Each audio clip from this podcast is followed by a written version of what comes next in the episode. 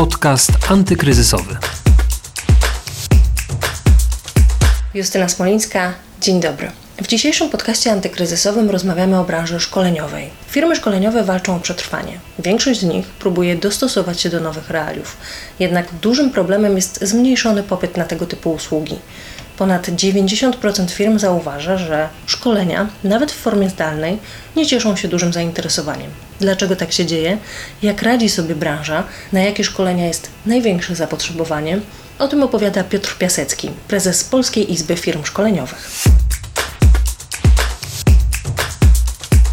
Byliśmy jednym z pierwszych sektorów, który zareagował e, na pandemię.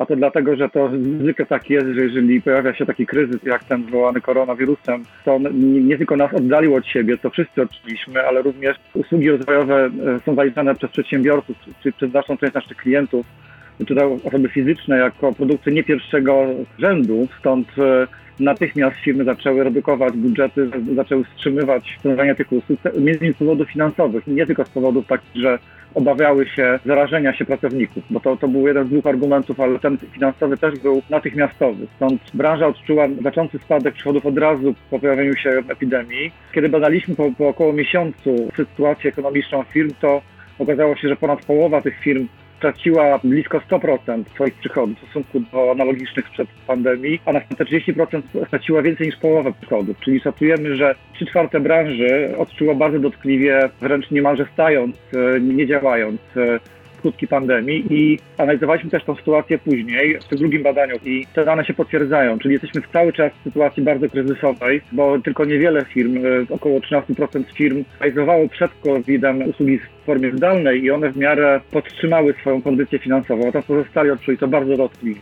Większość firm próbuje jakoś adaptować się do tych nowych warunków, nowych realiów na rynku. I teraz jak właśnie te firmy starają się sobie radzić? Jak starają się dostosować do tych nowych warunków? Czy przejście na szkolenia online jest jakimś rozwiązaniem? Tak, oczywiście jest. Natomiast pamiętajmy, że nie wszystkie usługi edukacyjne da się wprost w łatwy sposób przenieść na online. No wyobraźmy sobie naukę jazdy autobusem albo wizkiem widłowym, czy jakieś inne zaawansowane umiejętności. No w tych przypadkach my rekomendowaliśmy od samego początku, żeby dopuścić taką sytuację, że część teoretyczna tych e, zajęć może odbywać się właśnie zdalnie i przynajmniej w ten sposób można uratować budżety firm na jakiś czas. Natomiast no, później musimy zobaczyć jednak to, że jednak pewne rzeczy muszą być stacjonarnie. Natomiast firmy rzeczywiście w pierwszej kolejności, kiedy pojawił się koronawirus, próbowały już zakontraktowane świadczyć w formie zdalnej e, z różnym skutkiem, dlatego że odbiorcy nie zawsze chcieli na taką formę przechodzić. Co innego, kiedy ktoś już z góry oferuje usługę w formie zdalnej i ją sprzedaje w tej formie, a co innego, kiedy przekształca się usługę zaprojektowaną na stacjonarną na wersję zdalną. I jak popatrzyliśmy na dane, co robiły firmy i co robią do tej pory firmy, no to ciekawe, ale też nie, nie dziwi. To około 30% firm jest trochę zagubiona, czyli próbuje przeczekać, powściągnąć koszt i przetrwać. Ponad 60% firm y, ma trudność w ocenie tego, co zrobić. W którą stronę iść, jaką stronę strategicznie zmieniać swój, swój biznes, zmieniać swój model biznesowy, nie wiem, sposób świadczenia usług. To jest bardzo duży odsetek e, firm. Czy to też podpowiedziało nam naszej Radzie Sektorowej do spraw kompetencji sektora usług rozwojowych, że sektor potrzebuje takiego wsparcia strategicznego, doradztwa strategicznego w zakresie zmiany. Natomiast to było też optymistyczne, to że połowa firm już w kwietniu zaczęła przygotowywać się do transformacji cyfrowej, czyli żeby rozszerzyć swoje umiejętności pracy zdalnej i to oznaczałoby podwojenie takich podmiotów, dlatego że podobna skala firm już świadczyła w jakiejś formie te usługi. Także widać jest, że sektor dostrzegł w usługach zdalnych, tych e-learningowych jakąś szansę dla siebie, żeby przejść z przynajmniej częścią tych usług. No właśnie, rozwijmy trochę ten temat usług zdalnych, bo większość firm próbuje adaptować się do tych nowych realiów, jednak dużym problemem, i na to wskazuje ponad chyba 90% firm, że jest zmniejszony popyt na zdalną formę szkoleń. Dlaczego? Dlaczego te szkolenia zdalne nie cieszą się taką popularnością? Czy to jest właśnie tylko ten problem, o którym Pan wspomniał, że nie wszystkie szkolenia jesteśmy w stanie tak przeprowadzić, czy to jest raczej inny problem? Jeśli tak, to jaki? Tak, jest kilka problemów tego, że nie korzystamy tak samo z usług zdalnych jak stacjonarnych. Są, są pewne kwestie kulturowe, nawykowe e, ludzi, że jednak jak ktoś przez całe życie w ten sposób się edukował, nie może sobie wyobrazić, e, że to może się w ten sposób odbywać. Drugą barierą, która też wyszła w systemie oświaty, kiedy szkoły zaczęły działać zdalnie, odbiły się od stosowej ściany barier technologicznych, czyli dostępu, odbiły się od ściany kompetencji cyfrowych Polaków, czyli no nie każdy odbiorca dobrze się czuje w środowisku cyfrowym w tym rozumieniu, bo o ile wysyłamy maile, nie wiem, już sobie radzimy z SMS-ami, to jednak e, wejście do klasy zdalnej, zalogowanie się, praca w jakichś podgrupach, czy jakieś rozwiązywanie jakichś, jakichś zadań zdalnych, no okazuje się, że barierą mogą być umiejętności po prostu. I stąd od nawyków, od pewnych preferencji e, przez e, bariery dostępowe do kompetencji cyfrowych. Tego świadoma też jest nasze Ministerstwo Cyfryzacji bo wiem, że od lat już takie działania trwają, żeby w Polsce zintensyfikować edukację cyfrową. To dotyczy nie tylko edukacji, dotyczy w ogóle e-usług jako takich. Na to nałożyły się dwie rzeczy, bo to, że mamy właśnie barierę tą kompetencyjną, no jednak tą decydującą jest ekonomia i myślę, że my póki co widzimy ewidentną powściągliwość podmiotów, zwłaszcza firm, w tym, żeby wydawać wszystkie środki na, na kompetencje pracowników, aczkolwiek no, liczymy na to, że jednak ten trend się odwróci. Proszę powiedzieć, które firmy w takim razie mają największe problemy? O jakie szkolenia głównie chodzi? Na które z tych szkoleń jest e, zmniejszony popyt? W naszym badaniu stwierdziliśmy, że wszystkie, bez wyjątku, możemy odnaleźć szkolenia, które są bardziej niezbędne, związane z zatrudnieniem nowego pracownika.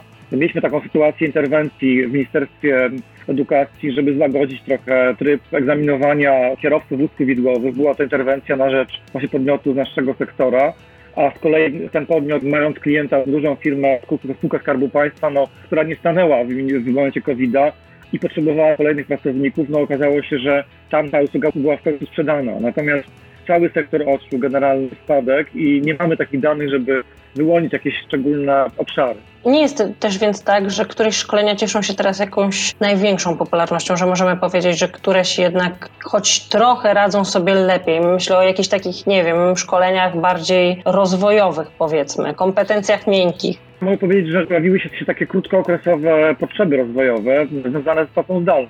Od takich e, właśnie, jak Pani mówi, psychologicznych, czy różnego wytłumaczenia ludziom, jak mogą się odnaleźć w tej rzeczywistości, bo wcale nie jest dla wszystkich to takie proste Wielu ludzi pracuje w jednym salonie z własną e, drugą połową, z dziećmi udzącymi się, psami biegającymi wokoło czy kotami i to jest wyzwanie techniczne samo w sobie. No i też moment taki, że nie wychodzimy z tego domu do tej pracy, widzimy się non-stop, co powoduje, że ludzie potrzebowali jakiegoś wspomagania. I tu myślę, że pojawiły się takie zapotrzebowania. Również pojawiły się zapotrzebowania dla tych, którzy zarządzają zespołami zdalnymi, nie wiem, którzy realizują pracę e, takich ludzi, nie wiem, kierują, muszą realizować projekty, to tam się takie krótkotrwałe zapotrzebowania pojawiły. Natomiast myśmy nie odnotowali jakiegoś szczególnego sukcesu jakiejś podbranży, Poza takimi e, usługami, właśnie, które jak powiedziałem, był w Polsce przed COVID-em niewielki, ale rozwijający się sektor usług e-learningowych i są kontynuowane te zajęcia. Na przykład jest taki mocno rozwijający się sektor takich e, asynchronicznie świadczonych usług edukacyjnych typu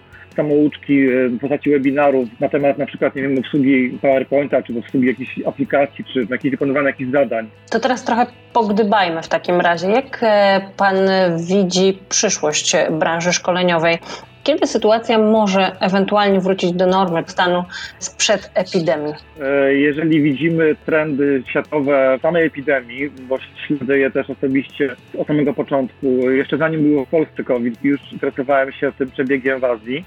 No i dynamika jest na razie taka, że o szczepionce, żeby ona była możliwa, nic, nic na razie nie wiadomo. Bardziej wiadomo jest o drugiej fali, albo ewentualnie trwaniu tej fali, która jest. Więc my już w naszym środowisku rozmawiamy o tym, że powinniśmy się pogodzić z tym, że na dłuższy czas, przynajmniej jeszcze rok, będzie nam towarzyszyła taka sytuacja jak dzisiaj, że spotkania szkoleniowe klasyczne będą ekskluzywnym towarem, e, być może pod rygorem pewnych środków bezpieczeństwa. E, musimy zacząć akceptować to, że to ryzyko jest i mniej więcej się zrównać w tym tolerowaniu ryzyka we wszystkich dziedzinach, bo my mamy takie wrażenie, że w pewnych dziedzinach zostajemy na głowie, żeby odizolować się od wirusa, a w innych dziedzinach robimy sobie wolną amerykankę, nie? Wiem, wychodzimy na molo w Sopocie i tam mamy zagęszczenie ogromne ludzi, a później jedziemy na szkolenie do hotelu i tam mierzy się z linijką odległości między krzesłami, co chwilę jest wietrzona sala odkażana przez lampy ultrafioletowe, czyli no robimy bardzo dużo, żeby tych ludzi zabezpieczyć, więc ja myślę, że czeka nas pewne wyrównanie, takiego zdrowy rozsądek i to być może powinno być też elementem szkoleń poszczególnych branż czy sektorów, jak funkcjonować z COVID-em, a nie jak się od niego odizolować. A jeżeli mówimy o samej edukacji, samych szkoleniach, no ja myślę, że wcześniej czy później przedsiębiorcy czy osoby fizyczne wrócą do e, zaspokajania swoich potrzeb rozwojowych, bo one jednak istnieją i, i to, że je zaparkowaliśmy na okres być może takiej okresu niepewności, obawy, że może nie być budżetu, kiedy firmy zaczną już lepiej prosperować, będą bardziej przewidywały swoją przyszłość, zaczną zamawiać usługi i być może wtedy pojawi się też przestrzeń na tą inną e, kombinację struktury tych usług, czyli będziemy mieli mniejszy udział usług stacjonarnych, większy udział usług zdalnych, już z góry właśnie definiowanych jako zdalne i tak projektowanych. No i trzecie, usług blended learningowych, dlatego że duże pole manewru mamy w takich usługach mieszanych, gdzie na przykład redukuje się pewne formy świadczone stacjonarnie, a rozwija się e, komponenty zdalne po to, żeby całościowo te programy rozwojowe spełniały oczekiwania i zapewniały realizację celów edukacyjnych. Więc sądzimy, że bezpowrotnie już wchodzimy w nowy paradygmat edukacyjny, czyli, czyli taki, który będzie w dużej mierze bazował na edukacji zdalnej, tak jak to przewidywano już wcześniej, dlatego że ten trend nie jest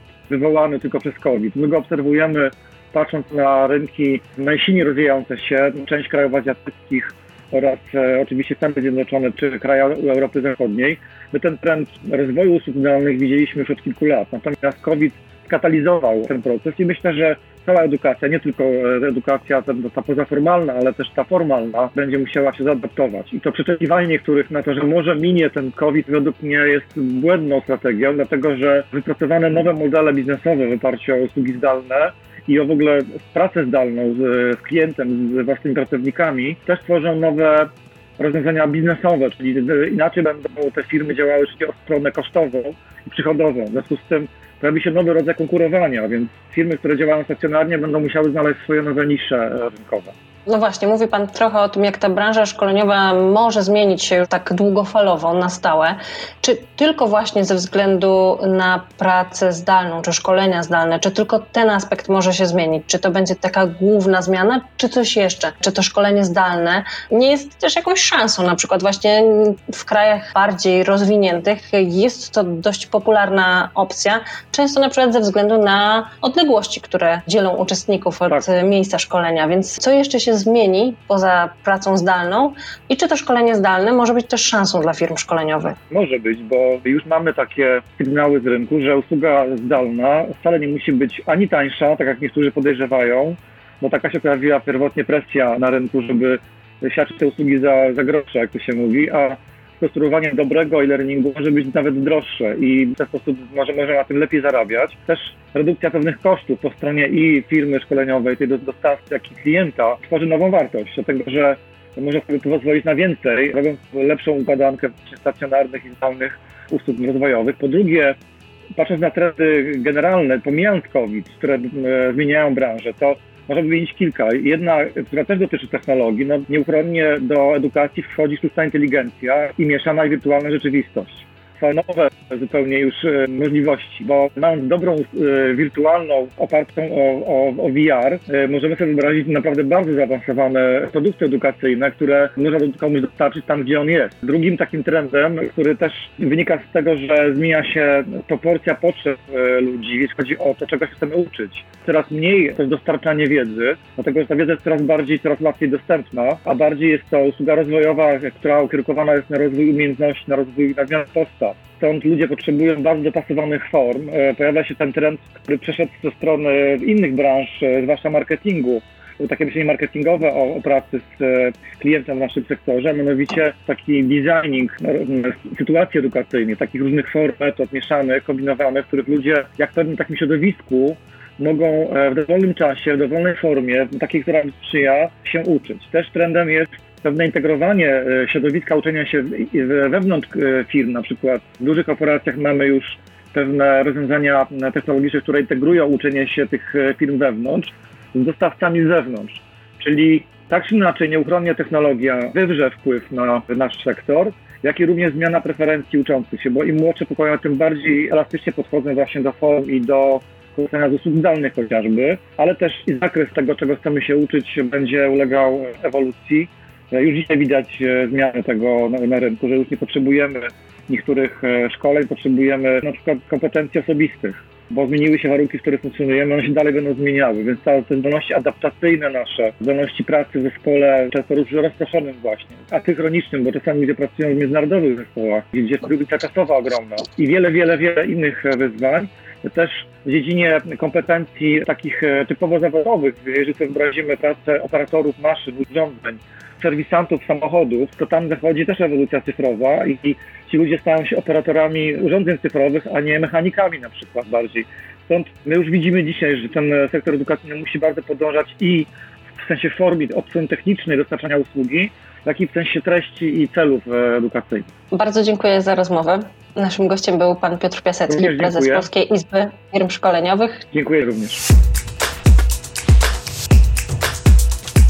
To już wszystko w tym odcinku podcastu antykryzysowego. Wszystkie rozmowy znajdziecie na stronie pb.pl ukośnik antykryzysowy i w aplikacjach podcastowych, w tym na SoundCloud, Spotify i Apple Podcasts. Jeśli wolicie rozmowy w wersji wideo, to te czekają na Was na stronie bankier.pl w każdy wtorek czwartek. Do usłyszenia. Podcast antykryzysowy.